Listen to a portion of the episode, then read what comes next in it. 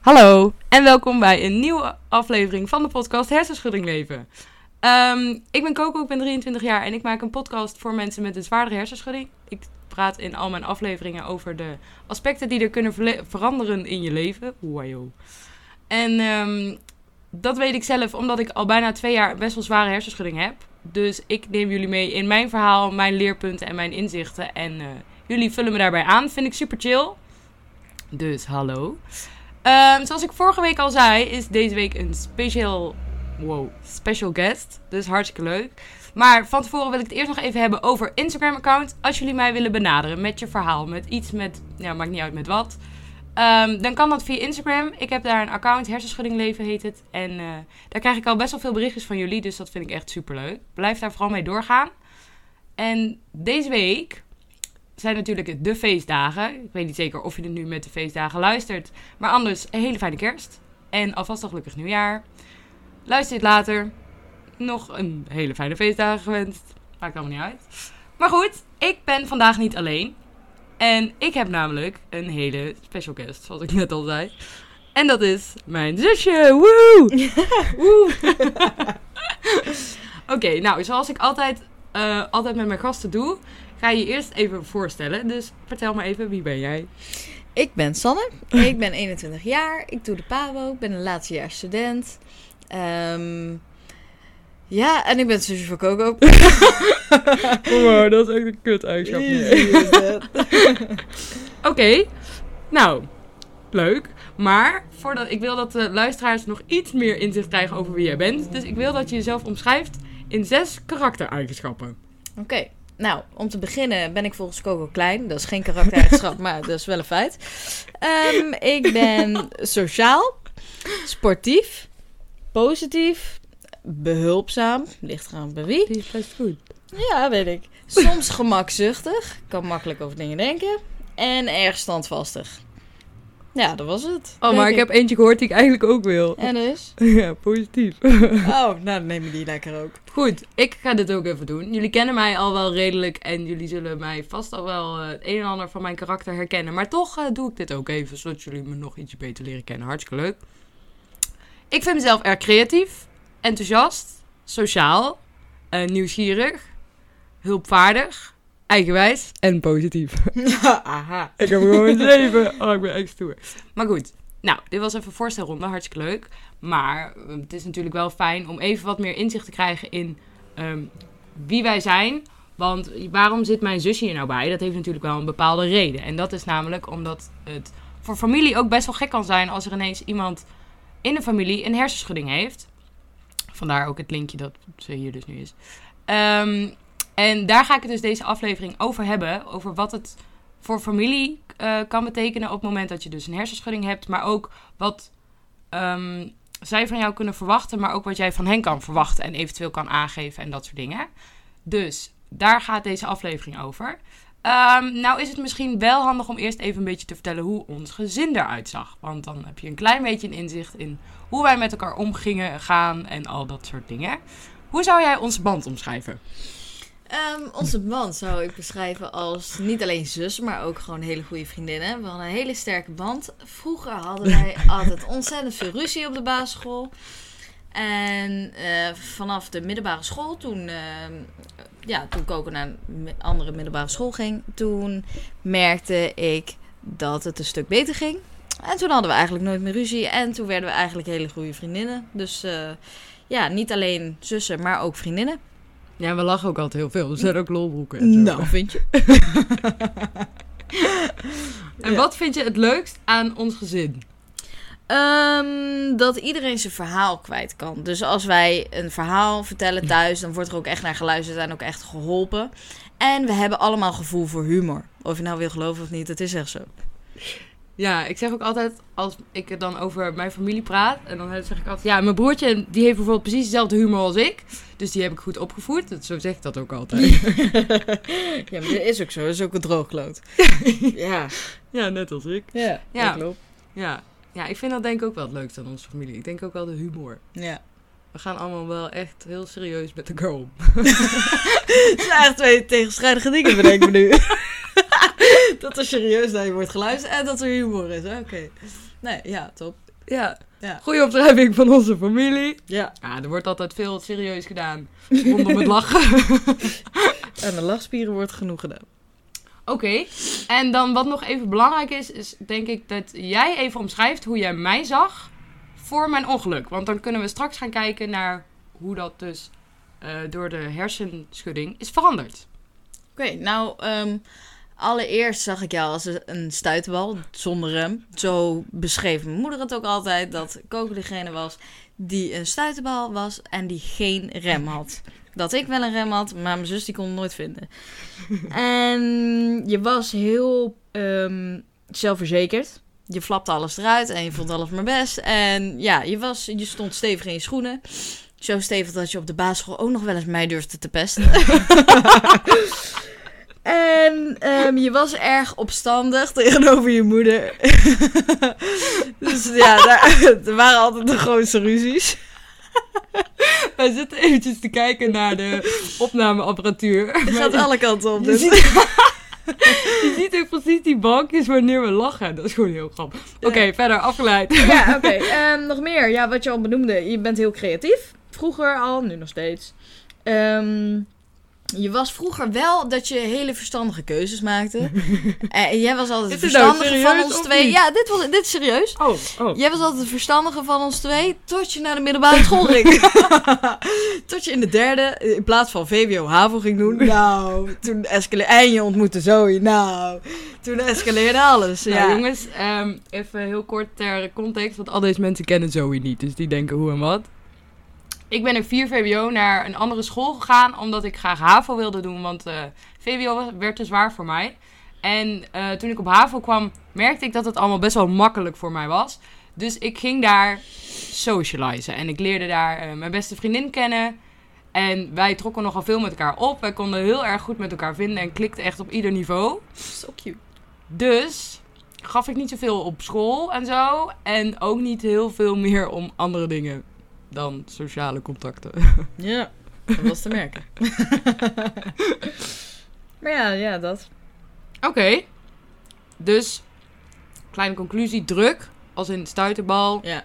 Ehm, wel woordjes klaar en zo. Dus aanwezig. Mhm. Dat zijn een beetje de dingen die ik eruit haal. Ja. Ja, want dat zijn wel belangrijke dingen. Omdat ik best wel benieuwd ben. Als in, ik vind zelf dat die dingen wel veranderd zijn.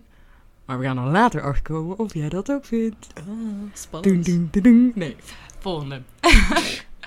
maar toen, ja, toen kreeg ik dus mijn ongeluk. Nou, toen ik mijn ongeluk kreeg, woonde ik niet meer thuis.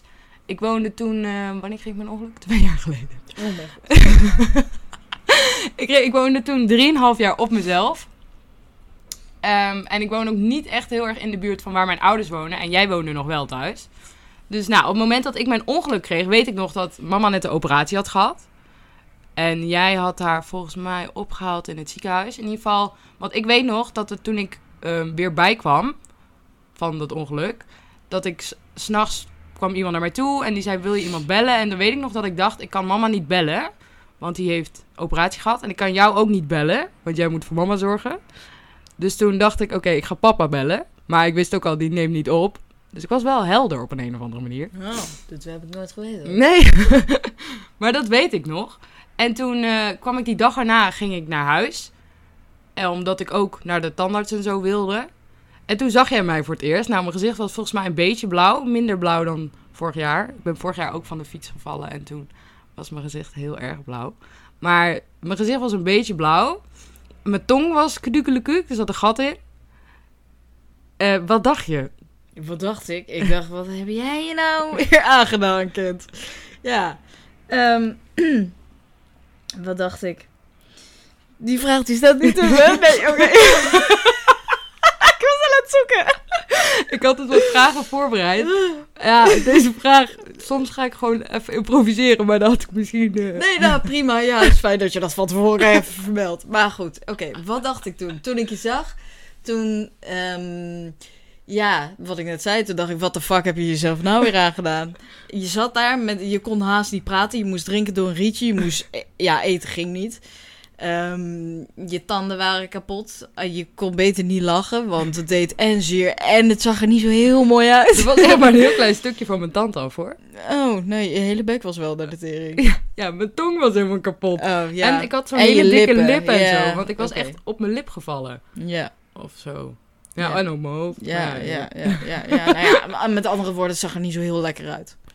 Maar goed, had je toen al door dat, dat ik ook misschien eh, iets last had van mijn hersenen? Nee, nee. Op dat moment dacht ik echt gewoon puur, nou, ze heeft een klap gemaakt. Ze heeft gewoon pijn aan haar nek van de klap. En ze heeft misschien lichte hersenschudding en daar blijft het bij. Maar ik had nooit verwacht dat het zo dramatisch zou zijn.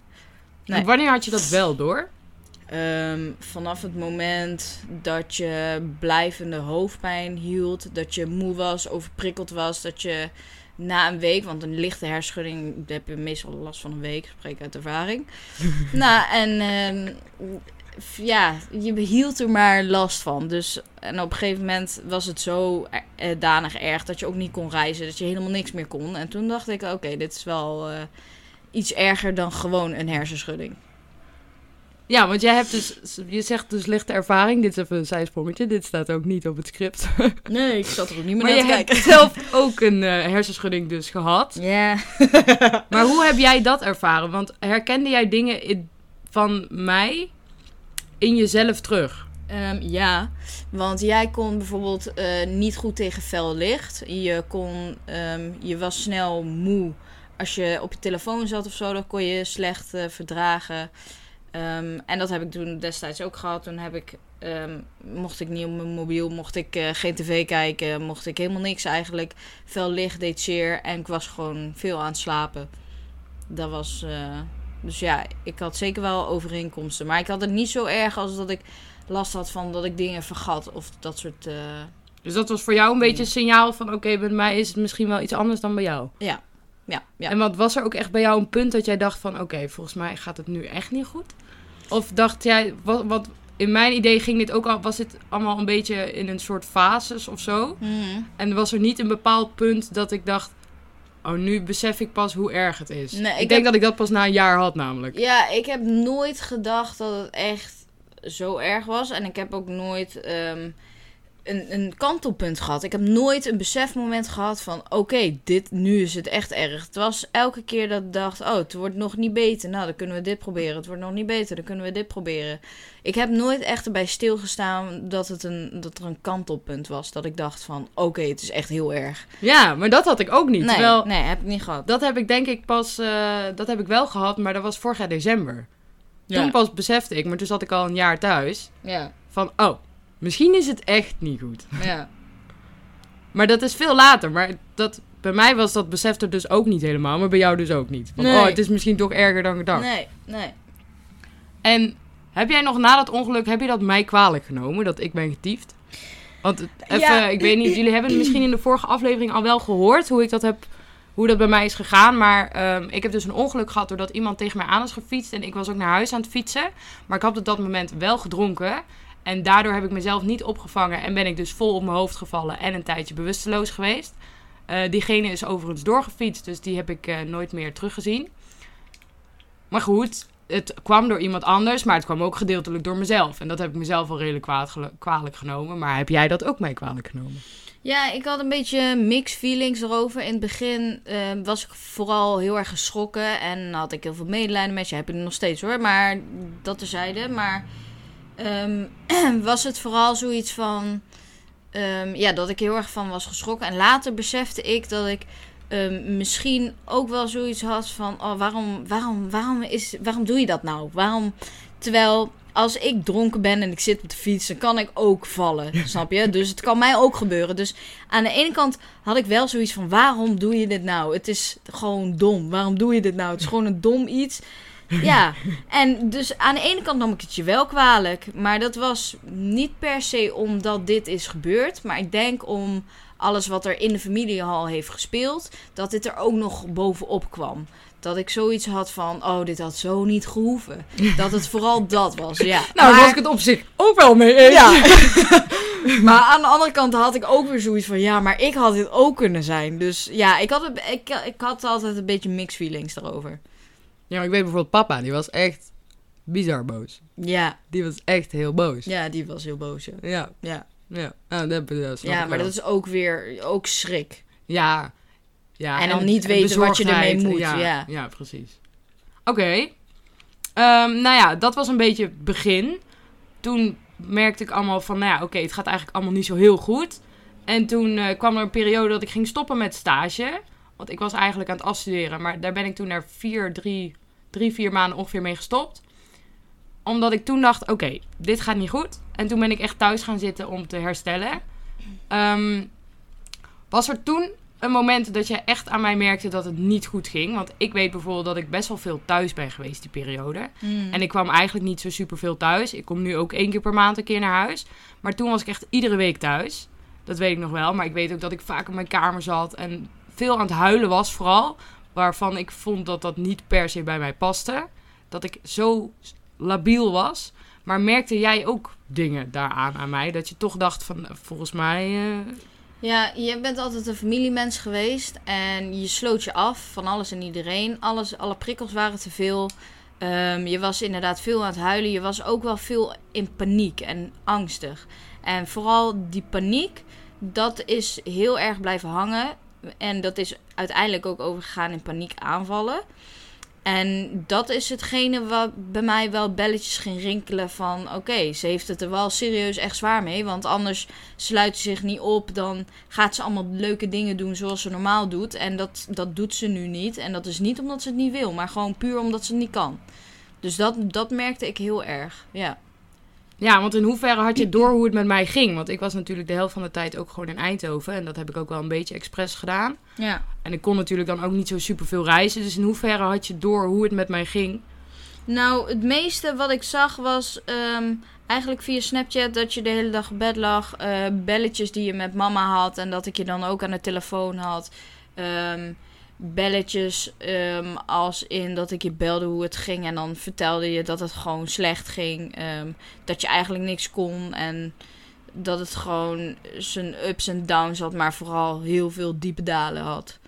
Dus ja, ik had het wel door hoe het met je ging. Maar omdat je toch heel veel in Eindhoven was, kon ik je ook weer niet zien. Dus ik had wel een idee hoe het met je ging. Maar ik stond er niet altijd bij stil met hoe het echt nou met je ging. Omdat ik je niet zoveel zag daarna. Nee, ja, ik denk ook dat ik dat een beetje een soort masker erbij hield. Zodat ik dan zelf ook niet zo goed door had. Ja. Of dan niet soort, soort van niet hoefde te zien hoe het eigenlijk met mijzelf ging. Dus daar was ik ook eh, niet zo goed in. ja. Eh, en in hoeverre denk je dat mijn hersenschudding veel invloed had op de gezinssituatie? Wacht even, volgende bladzijde. Dus. De gezinssituatie. Ja, is die veranderd door mijn hersenschudding? Vanaf Ehm. dat moment dat ik... ehm, Dat ongeluk had. ja, Ehm, ja. En dat is namelijk, er ging veel zorg en aandacht uit naar jou. En mama was er heel druk mee. Met het eh, jou in de gaten houden. Met ehm, ehm, jou belletjes geven. Veel gesprekken thuis gingen ook over jou, hoe het nou echt ging. En of we ons zorgen moesten maken. Ehm, uiteindelijk gingen de gesprekken ook van dat ik vragen stelde van... Mam, wees nou eens eerlijk tegen mij. Wordt Coco nog echt beter? wow, dit wist ik niet. Nee, dat weet ik. Wow. Maar ja, ja dus... Wat zei mama ehm, dan? Mama zei altijd ja. Wow. Mama heeft er altijd 100% vertrouwen in gehad. Altijd. Wow, daar had mama er meer vertrouwen in dan ik. Ja, dat klopt. Wow, oké, nice. Ja, Oké. maar ja, ja. Dus eh, ja, er gingen veel gesprekken over jou en veel aandacht naar jou. En ook bijvoorbeeld... ehm eh, Okke, die maakte zich ook veel zorgen. Ehm ik kreeg soms... is ons broertje. Oh, ja, dat is het broertje. Van 15. 16. sorry. Hij is 16.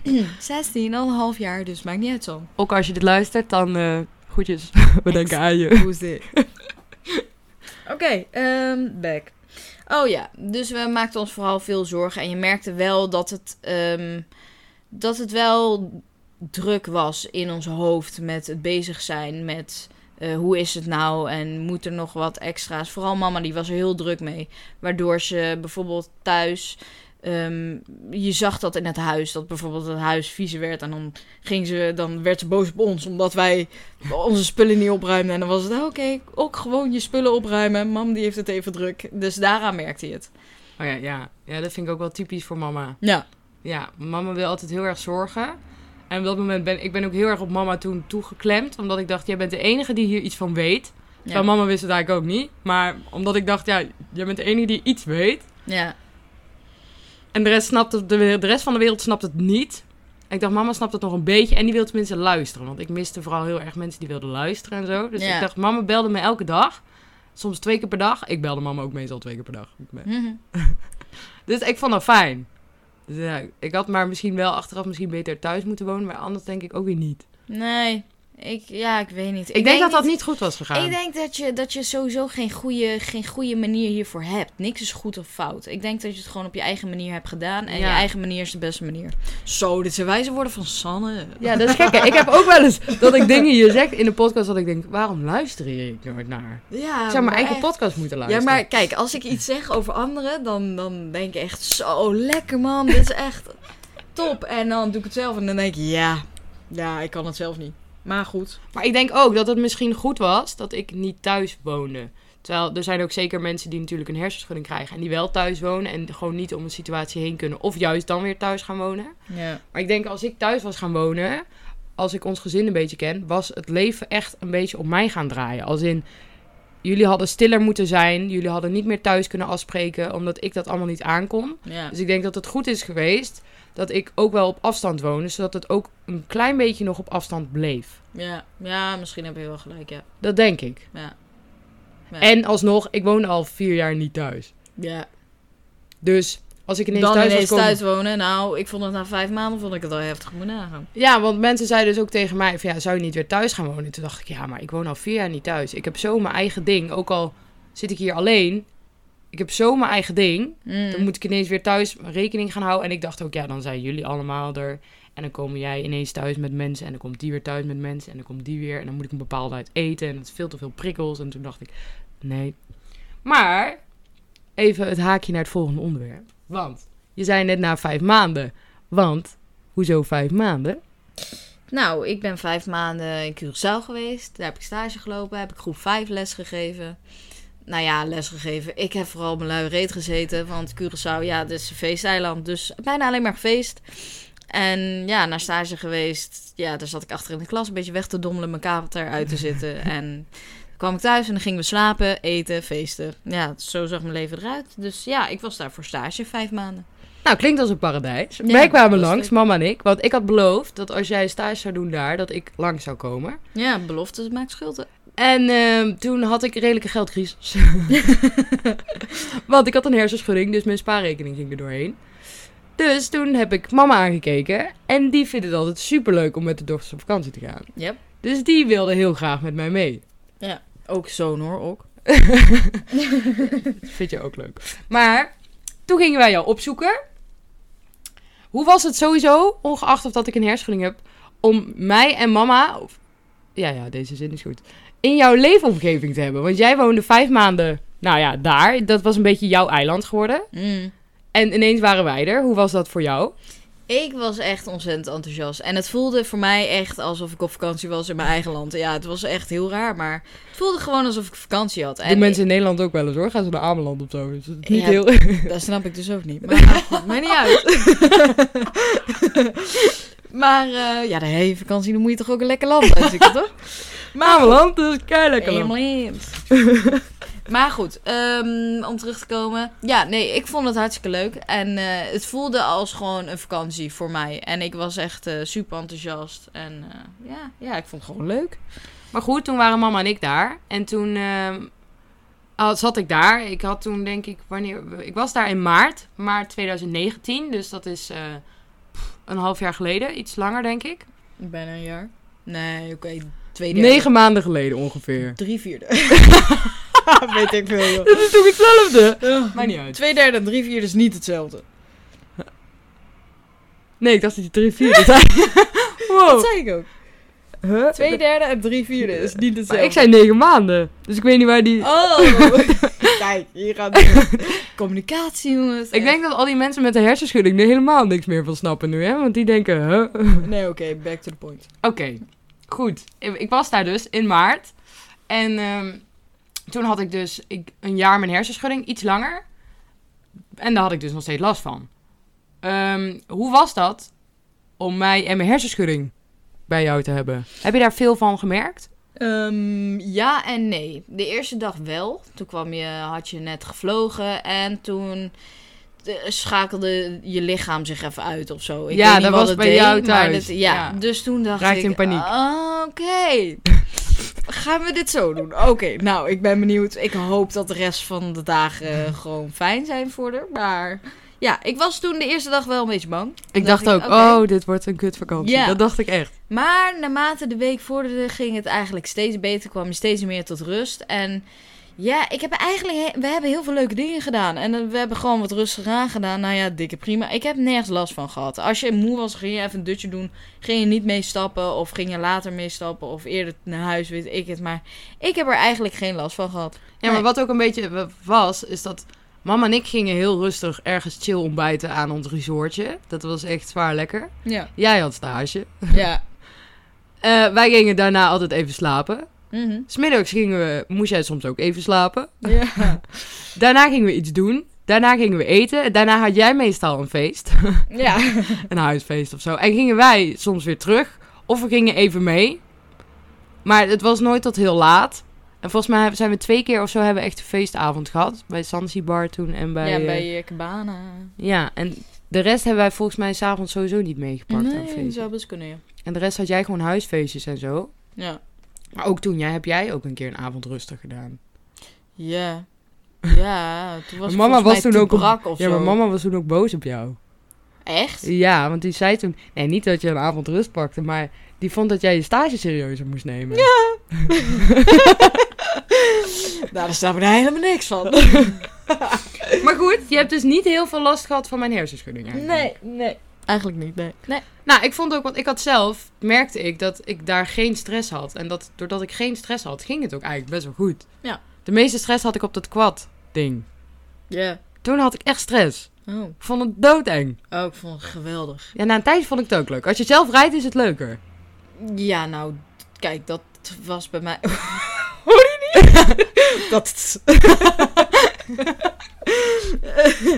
ja, dat, daar moest ik even inkomen. Oké, laat maar. De volgende. Ja. Ja, oké. Maar dat, oké, nou mooi. Ja, ik had ook niet super veel last van. Maar ik, ik dacht, misschien heb jij dat anders ervaren of zo. Maar niet dus. Nee. Oké, nou ja, dat was maart. Oh, we gaan best wel snel door de twee jaar heen. Dat is wel relaxed. Ehm, en toen kwam eigenlijk mijn volgende stukje. En dat was mijn revalidatie. Ehm, wat jij daar deel aan had als in... Je hebt mij opgehaald.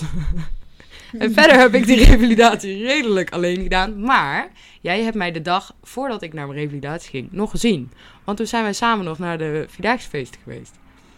Hartsteldag was het toen. Oh, En toen ben ik niet zo lang geweest. Echt maar een paar uur. Ja, ja, dat weet ik Maar we zijn er wel samen heen geweest. Ja, En toen twee weken daarna was jij weer de eerste die mij toen zag. ja. Oh, wat een goede zus ben ik toch ook, hè? God, Zag jij iemand anders toen? Ja, 100% Moet ik even schetsen voor en na? Voor. even mijn keel ervoor schaam. Ehm, Nu hebben we even een kleine situatie. Voordat ik naar mijn revalidatie ging ja. En nadat ik naar mijn revalidatie ging. Ze pakte even de notitieblok erbij om Ja. het even officieel te maken. ja, precies. Ja, nou, ehm, bij, voor, voordat je erheen ging, was je heel onzeker. Dacht je eigenlijk... Ik stop die microfoon even in de neus, want ik ging gewoon er van weg. Ik ook.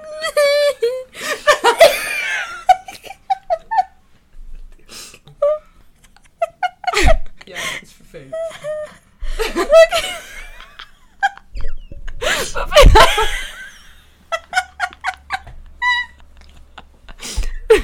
Wat is dit nou weer? Ik ben ook aan het uit. Druppel over me. Oké. Ehm, Jeetje. We gaan weer verder. Oké. Ja, dit kan ik nu toch niet serieus vertellen. Oké, ga ik wel proberen. Oké. Voordat je daar naartoe ging. Oké, voordat je ging, daarheen ging, was je eigenlijk ehm, heel onzeker. Je zei eigenlijk dat je dacht dat je niet beter zou worden en dat zij je ook niet beter konden maken. Je, dus je had er weinig vertrouwen in. Ehm, je kon weinig doen. Je had veel hoofdpijn. Je was bang. Je was angstig. Je was paniekerig. ehm, snel overprikkeld. En eigenlijk was je heel erg met jezelf aan het worstelen.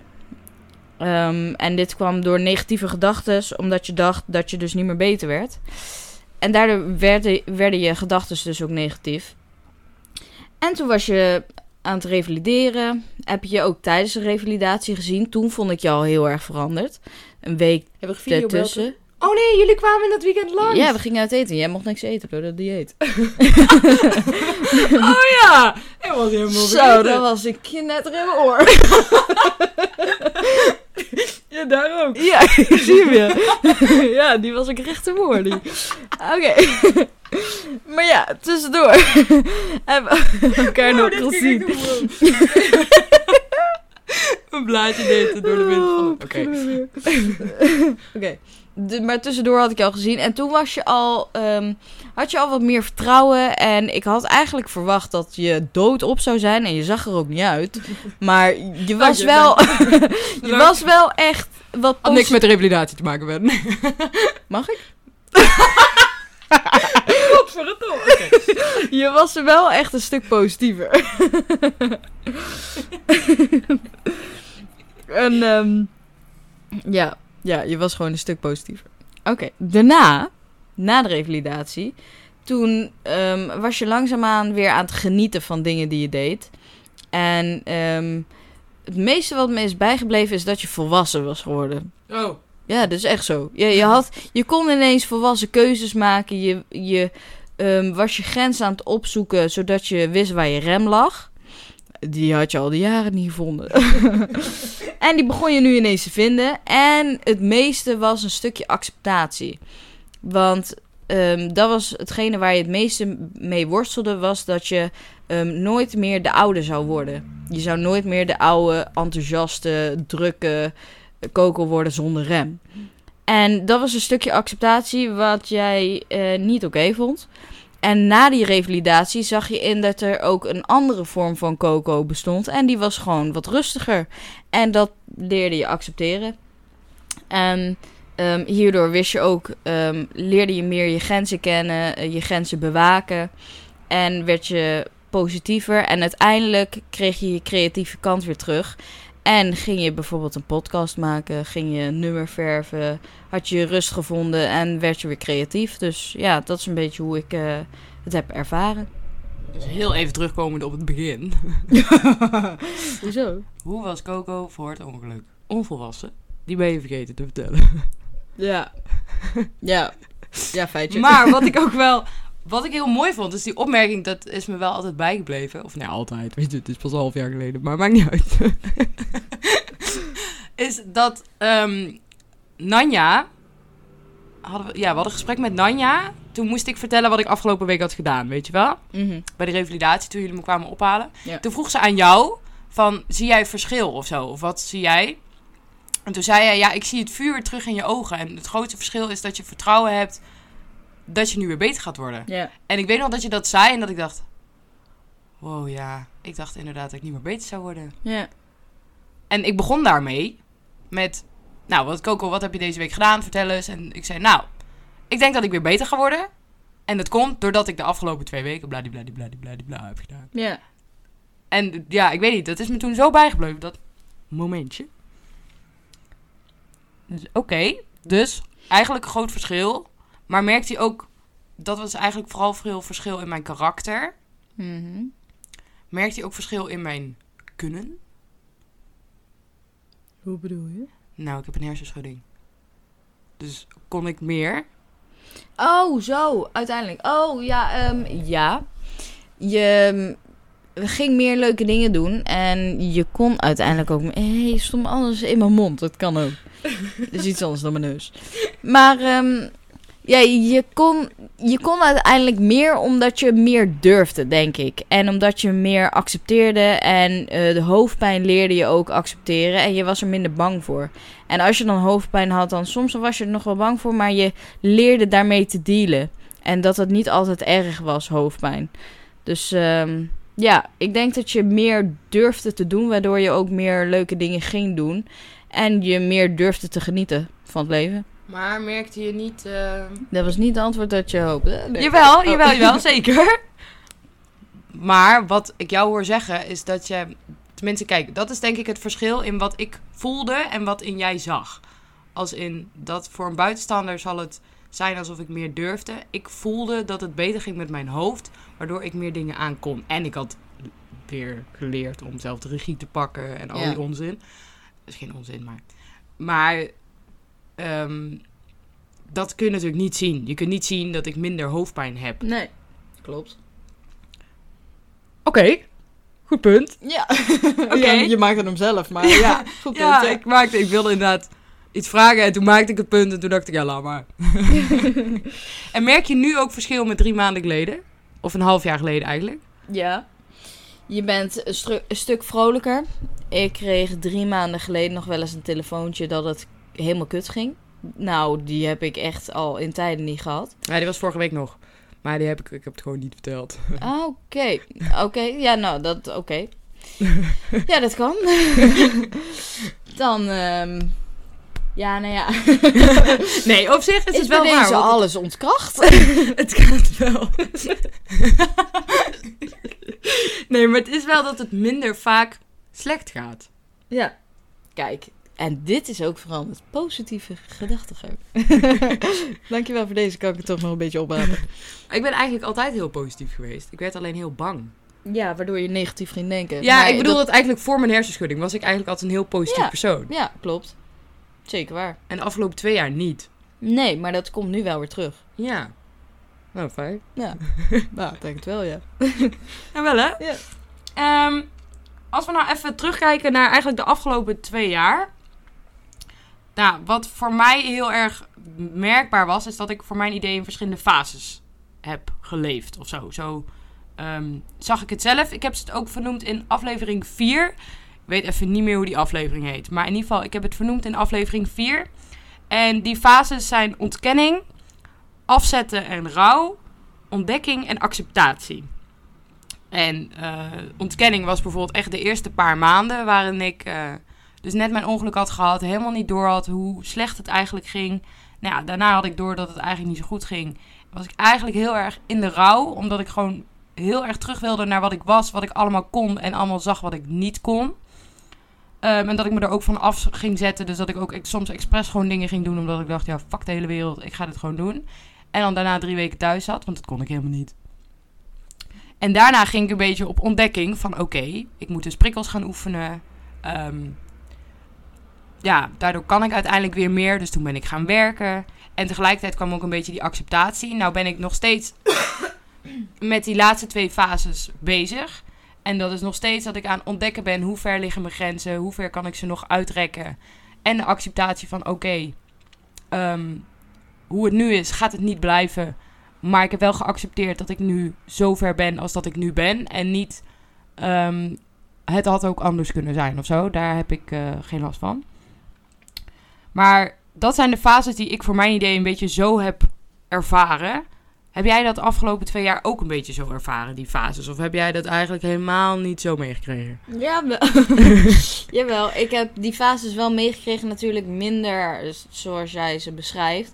Maar ik heb het vooral... ehm, ehm, ja, nee, wel. Ik heb ze wel mee...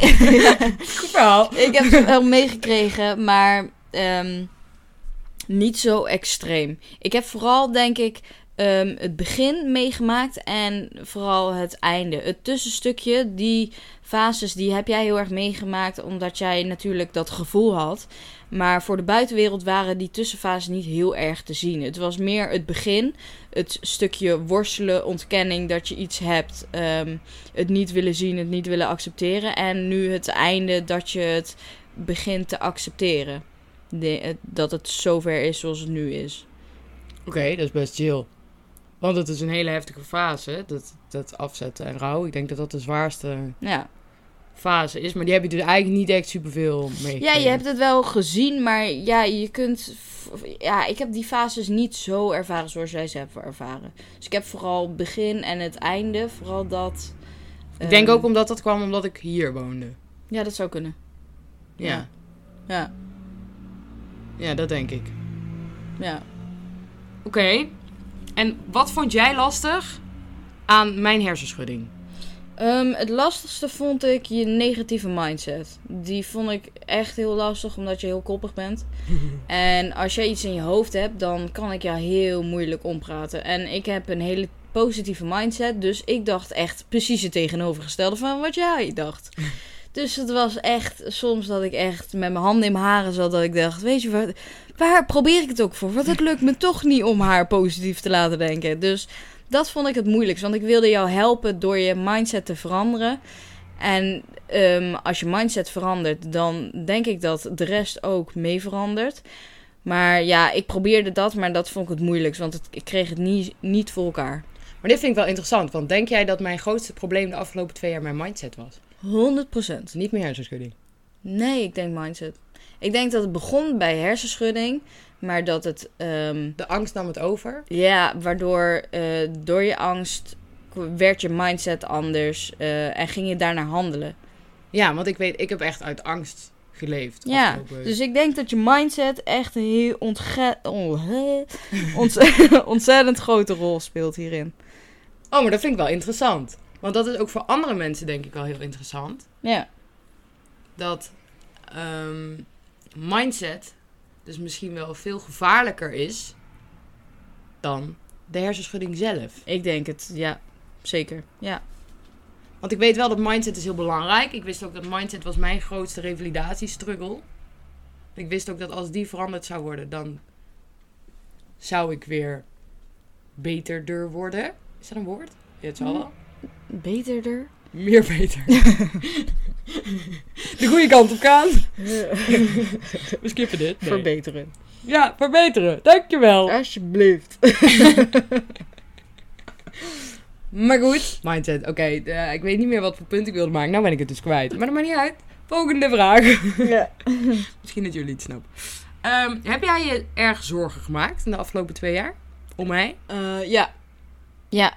En dat was... ehm, ja, ik stelde niet voor niks aan mama de vraag of jij überhaupt ooit weer echt beter wordt. Of dat je altijd ehm, er in deze flow zou blijven hangen. Of dat je er nog uitkwam. Dus ik heb me daar wel degelijk zorgen om gemaakt, ja. Was het dan vooral mijn mindset? waar je dan eigenlijk zorgen maakte? Ja. Ja. Want er zijn mensen die bijvoorbeeld eh, deze podcast luisteren die een hersenletsel hebben. Ja. Nou zijn wij sowieso al wel redelijk bekend met NAH. Ehm, omdat ik niet de enige ben in de familie met een NAH. Eh, ons broertje heeft ook het een en ander meegemaakt toen hij wat jonger was. En toen was ik denk ik 12. En die heeft een NAH nu ook. Ehm, wel zo dat het niet heel merkbaar meer is nu. Hij heeft denk ik twee jaar gerevalideerd. En je zou nu daar niet heel veel meer van merken. Heeft een tijdje op een aparte school gezeten. Zit nu gewoon op een normale school. ehm, en doet eigenlijk alles wat iedere andere puber doet op 16-jarige leeftijd. Dus je zou aan hem zeker niet zeggen dat hij NAH heeft. Ehm, maar wij zijn daar zeker mee bekend. Maar dat een NAH betekent eigenlijk een niet aangeboren hersenaandoening. En er zijn ook mensen die een hersenletsel hebben die deze podcast luistert. En die dus eigenlijk misschien nooit meer beter worden. Maar mindset is dus een dingetje. Ja. Want ook voor mensen met een hersenletsel is mindset heel belangrijk. Ja. Ik denk dat als je je mindset zo kunt zetten dat je toch positief blijft denken. Ik denk dat je daar naar ook gaat handelen. En dat je bereik van wat je kan, dat dat automatisch groter wordt omdat je in jezelf gelooft. En dat stukje in jezelf geloven, dat stukje zelfvertrouwen, dat is echt heel belangrijk. Want als je zegt, ik kan dit niet, dan ga je het ook niet kunnen. Als je gaat zeggen, ik kan dit, en dat is dan misschien niet la minuut, maar misschien over een half jaar dat je voor jezelf doelen blijft stellen, dan ga je die doelen ook behalen. Ja, wat het hele lastige is, is wat ik denk ik, als ik nu praat voor de mensen met een hersenschudding, is dat je zoveel negatieve feedback krijgt van je lichaam en van doktoren, Dus, want je kan niet zomaar dingen doen. Dat is heel, de stapjes zijn heel klein, de kennis daarover is er bijna niet. Dus je weet eigenlijk niet zo goed wat je kan doen en hoe je moet herstellen en in hoeverre dat nog mogelijk is. Daar is gewoon te weinig kennis over. Dus dan is het heel lastig om een bepaald doel in je hoofd te stellen, omdat je niet kan visualiseren wat dat doel kan zijn. Omdat je niet weet of dat, dat überhaupt realistisch is. Ja, maar daarom denk ik ook, ehm, mindset is heel belangrijk, maar je moet ook ehm, leren praten, durven praten. Dus je moet eh, veel vertellen hoe je je voelt eh, met specialisten. Dan ja, natuurlijk niet iedereen weet ehm, wat er aan de hand is. En misschien is er wel te weinig kennis over, dat kan. Maar ehm, hoe meer je praat, ehm, hoe beter het wordt. Ja, ik denk ook dat dat die revalidatie bij mij heel erg heeft gedaan. Dat stukje Ja. ondersteuning en begeleiding van mensen die er wel verstand van hebben, waardoor zij konden helpen met visualiseren van een doel, waardoor je het zelf weer kan. Ja. Dat is voor mij wat die revalidatie voor mij heeft betekend. Ehm, ik heb daar meer over verteld in de aflevering Revalidatie Traject Move the Brain. Aflevering 6 is dat geloof ik. Dus ga die vooral nog even luisteren als je die nog niet hebt gehoord. Het is heel interessant. Ehm, van de afgelopen twee jaar ben ik heel erg veranderd. Behalve dat ik volwassen ben geworden. Ehm, Ik ben 23, hè. Het is heel fijn om te horen dat ik een half jaar volwassen ben. Ouch. Ehm, ja, nee, je bent ehm, ook positiever gaan denken. Weer positief gaan denken. Je bent ook weer een beetje de oude aan het worden. eh, qua in dingen die je doet. Ehm, je gaat ook gewoon weer soms stappen. eh, je hebt veel lol. Je lacht veel. Ehm, je zoekt ook gewoon weer leuke dingen op. Je gaat straks weer studeren. Dus ik denk eh, dat je hele grote stappen hebt gemaakt de afgelopen twee jaar. Je hebt een heel diep dal gehad, maar ik denk dat je er misschien nog wel veel sterker uit gaat komen dan dat je eerst was. Ja, en dat komt eigenlijk een beetje aan bij de volgende vraag. Ehm, denk jij dat de hersenschudding positieve dingen bij mij heeft opgewakkerd? Ja, Is dat een woord? ja, ja, ja, denk het wel. I guess so. maar ja, ik eh, denk het wel. Ja. Ehm, Ja, daar heb ik ook een kleine... Wat dan? Ah, ja, dat- dat- die vraag verwachtte ik al. Wat dan? Je hebt ehm, je grenzen leren kennen. Je hebt je rem gezocht. Ehm, je bent... Wat gebeurt er? Oh, oké. Het beeldje wordt even zwart, want ik ligt de paniek. Oké. Maar, ehm ah, die vraag. Concentratiedingetje. Welke positieve dingen heeft een hersenschudding bij mij opgewakkerd? Oh ja, ja. En je ehm, hebt op zo'n manier keuzes leren maken dat je ehm, denkt aan jezelf. En dat je leert luisteren naar je lichaam, leert luisteren wat je voelt, ehm, leert luisteren naar, ja, naar wat je, ja, wat je voelt. Ja, dat zei ik net. Herhaling. Dat is heel fijn voor mensen met de hersenschudding, want die vergeten nog wel eens dingen. Dus het is super fijn als je die dingen herhaalt. Dat doe ik ook wel eens hoor. Oké, nou we komen op de late bladzijde. Nu draaien we de rollen even om. Nu ga ik heel even vertellen wat ik eigenlijk zo fijn vond aan de steun van jou. Want het is natuurlijk heel fijn. Jij hebt leuk. mij gesteund en jij hebt mij gezien in de afgelopen twee jaar. Maar het is voor mij ook super fijn om familie te hebben waar ik op terug kan vallen. Ehm, en wat ik eigenlijk zo fijn vond aan de steun van jou, dat wil ik nu eventjes gaan benoemen. En daarna, voor de mensen die nu al denken, hoe lang duurt dit nog? Ehm, heb ik een stukje advies vanuit mij voor familieleden, maar ook voor jezelf om aan te geven aan familieleden. Eh, misschien heb jij daar zo meteen nog iets aan toe te voegen. Maar dat zometeen dus, over een minuut of eh, twee. Eerst even Wat? kleine pauze. Oh, weet je nog vroeger? Oké, dat is echt eh, een hele kleine uitzending. ga maar gewoon ik ga het nieuws vertellen. Dit was het nieuws. dat was kei leuk. Maar goed. Wat heb ik aan jouw steun gehad? Nou, in ieder geval wat ik heel erg heb gemerkt is... Wij waren al heel erg naar elkaar toegegroeid vanaf de middelbare school, denk ik. Maar in de afgelopen twee jaar nog wel meer. Omdat ik heel open ben geweest en heel kwetsbaar over hoe ik me heb gevoeld. Maar daardoor ben ik, heb ik ook wel het idee... Ik kon ook alles bij jou kwijt. Dus dat vond ik ook super chill. Maar ik denk juist omdat ik ook zo kwetsbaar was... Dat het eh, voor mij was de grens tussen open zijn en niet open zijn... was er eigenlijk niet meer. Want ik moest wel open zijn als ik überhaupt... ergens met iemand over wilde praten wat me dwars zat of zo. Maar dat heeft me wel nog dichter bij jou eh toegegooid? Nee, gebracht. Sowieso bij de mensen waar ik close mee ben, weet je wel? Mm. Dus dat. Ehm, wat ik ook wel chill vond, is dat we vaak samen dingen gingen overleggen. We gingen ook vaak even bellen en zo. En videobellen, dat hebben we altijd blijven eh, doen. En daardoor bleef je mij ook heel erg betrekken in jouw leven. Omdat mijn leven stond echt op pauze. Zeker een jaar lang. Maar de jouwe niet. Maar je bleef mij wel vertellen wat er in jouw leven gebeurde. En daardoor was het wel alsof ik toch nog meedeed. Dus dat was super fijn. Want dan stond de wereld niet helemaal op pauze of zo. Want ik ging me heel erg isoleren natuurlijk. Maar dan kon ik toch nog meedoen. En, en we gingen ook nog steeds wel proberen om leuke dingen te doen. We gingen het wel aanpassen. Maar we gingen wel nog steeds leuke dingen doen. Als eh, een keer ergens wat drinken of een spelletje doen in plaats van buiten ehm, in de buitenwereld stappen of zo. Maar dan gingen we gewoon een spelletje doen of kletsen of zoiets, weet ik veel. Gewoon leuke dingen doen. Eh, wat je ook best wel vaak hebt gedaan, is mij opgevangen met paniek. Dat vond ik ook super fijn. En dan ging je gewoon met mij praten. En wat is er nou aan de hand? En je liet gewoon eigenlijk mijn verhaal doen. Ongeacht of dat je precies wist wat er allemaal speelde. Maar je liet me mijn verhaal doen. En dat is super fijn. Want ik moet ergens mijn verhaal ook kwijt. Want door je verhaal te doen, dames en heren, verwerk je. Dus dat is super fijn. En wat je ook, wat daarin heel fijn is, is dat je dat doorspeelt naar mama. Want wat ik laatst per ongeluk tegenkwam. Ik had een e-mail nodig van mama die ze volgens mij een jaar geleden naar mij had gestuurd met betrekking op de vakantie of zo. Maar toen kwam ik een hele andere mail tegen en daarin stuurde mama een gesprek van ik zag dat je met Sanne hebt gebeld en dat je heel erg in paniek was. Kun je mij alsjeblieft bellen? Ehm, we gaan ervoor zorgen dat het allemaal goed komt.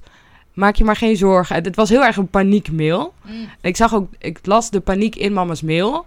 Want ik weet dat die mails heb ik vaker gekregen. Want dan was het dat ik echt helemaal van de leg was. En eh, er was er niet met mij te praten. En als ik dus met jou daarover had gehad, heb je dat dus naar mama doorgespeeld. En dat vind ik heel goed. Zodat het iedereen onderling een beetje wist hoe het met mij ging. Ja. Wat ik wel fijn vond, want daardoor hoefde ik niet nog een keer ook nog mama te bellen van... Hi, het gaat niet goed. Maar dat, dat werd onderling al gedaan. Dus dat vond ik wel relaxed. Want ik had ook nooit een geheim van als ik mama iets ging vertellen... Mocht, het was nooit dat jij het niet mocht weten of andersom. Nee. Dus, maar dat vond ik heel chill. En je zorgde ook gewoon echt voor afleiding. Dus dat was het super gezellig. Want dan gingen we met z'n tweeën lachen en kletsen en lachen en nog meer lachen. Altijd. En wat natuurlijk ook heel erg was, is doordat je mij ook gewoon bleef betrekken, voelde ik me ook nog wel normaal. Ik bleef nog steeds de zus in de familie. En ik bleef nog steeds wel de Coco. Terwijl ik voelde mij helemaal niet meer Coco. Maar ik bleef wel nog normaal of zo. Dus dat was super fijn. Dus dat vond ik altijd heel relaxed. En dat heb ik wel echt uit jouw steun gehaald. En dan komen we eigenlijk bij het puntje op advies van... Ja, wat zou ik andere familieleden adviseren als ze iemand met een hersenschudding in huis hebben? Of wat zou ik jou adviseren om aan je familie te vertellen? Nou kreeg ik laatst sowieso een tip van een van jullie via Instagram. Hersenschudding leven is account. Ehm ja, blijven benoemen hè.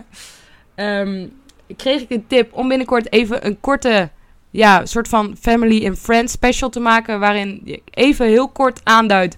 Oké, heb jij iemand in je familie met een hersenschudding? Dit zijn de tips, dit zijn de don'ts. Dus die zitten aan te komen, die komt in 2020 daaraan. Ehm, maar ik wil daar wel nu alvast een beetje mee beginnen om deze aflevering wel mooi af te sluiten. En mijn advies aan familie die moeten dealen met iemand met een hersenschudding is: eh, laat diegene wel in zijn rouwfases. Op het moment dat diegene heel erg verdrietig is, ehm, geef diegene daar de tijd voor die die nodig heeft. Als diegene daar een jaar voor nodig heeft, laat diegene daar een jaar lang om huilen.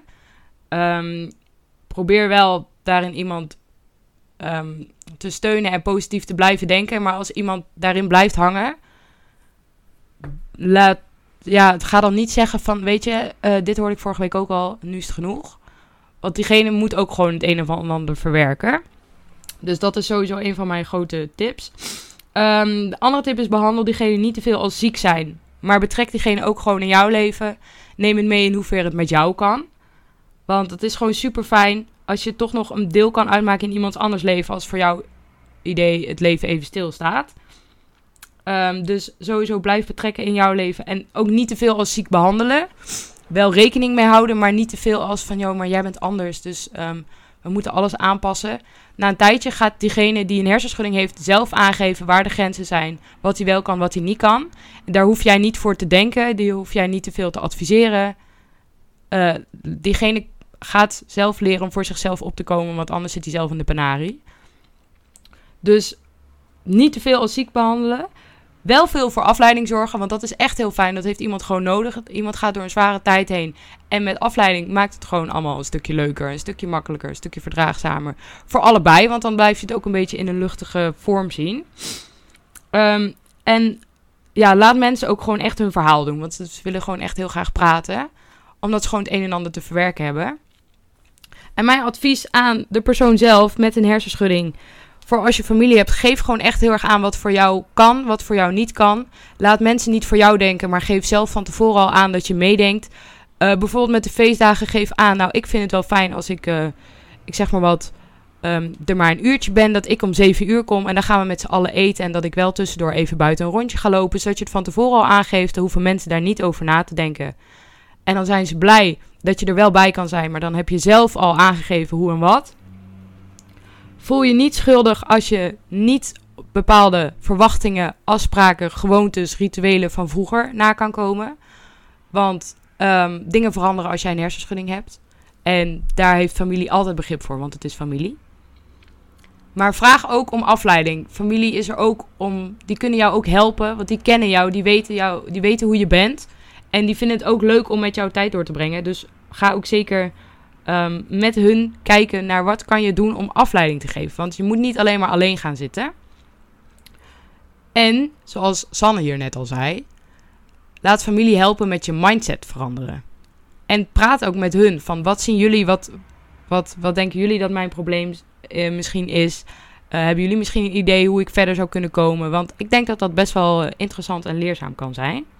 Heb jij misschien nog goede tips? Nee, Nee, nee. Datgene wat ik wilde vertellen, dat vertelde je zojuist. Ja, blijf praten. Uh, je hoeft het niet alleen te doen. Dus um, zoek vooral hulp bij anderen. Um, ja, en denk vooral aan die mindset. Als je alleen al bewust bent van het feit dat je mindset ertoe doet. En dat je misschien een negatieve mindset hebt op dat moment. Dan ben je al, al best ver. Als je daarvan bewust bent, dan ga je al de goede kant op. Dus uh, ja, dat is mijn advies eigenlijk. Oké. Okay. Dan denk ik dat we een beetje het einde van de aflevering zitten eigenlijk. Dus um, ik hoop dat je wat aan deze aflevering hebt gehad. Heb jij nou zelf nog goede tips um, omtrent familie? Laat het me weten. Um, zijn er dingen in de aflevering die je fijn vond, vervelend vond, herkenbaar vond? Laat dat ze ook weten. heb je nou nog tips voor eventuele andere afleveringen? Laat het me ook weten. Laat het me allemaal weten. En uh, anders zou ik zeggen, alvast een hele fijne jaarwisseling. En tot de volgende keer. Doei doei! Moet jij nog doei zeggen? Doei! fijne jaarwisseling en feestdagen en al die handel. Hallo, hoi, hoi. Doe nou eens praten. Nou moeten we even samen praten. Test 1, 2, 3, test. Oké, okay, snap je? Snap je? Snap je? Snap je? snap je?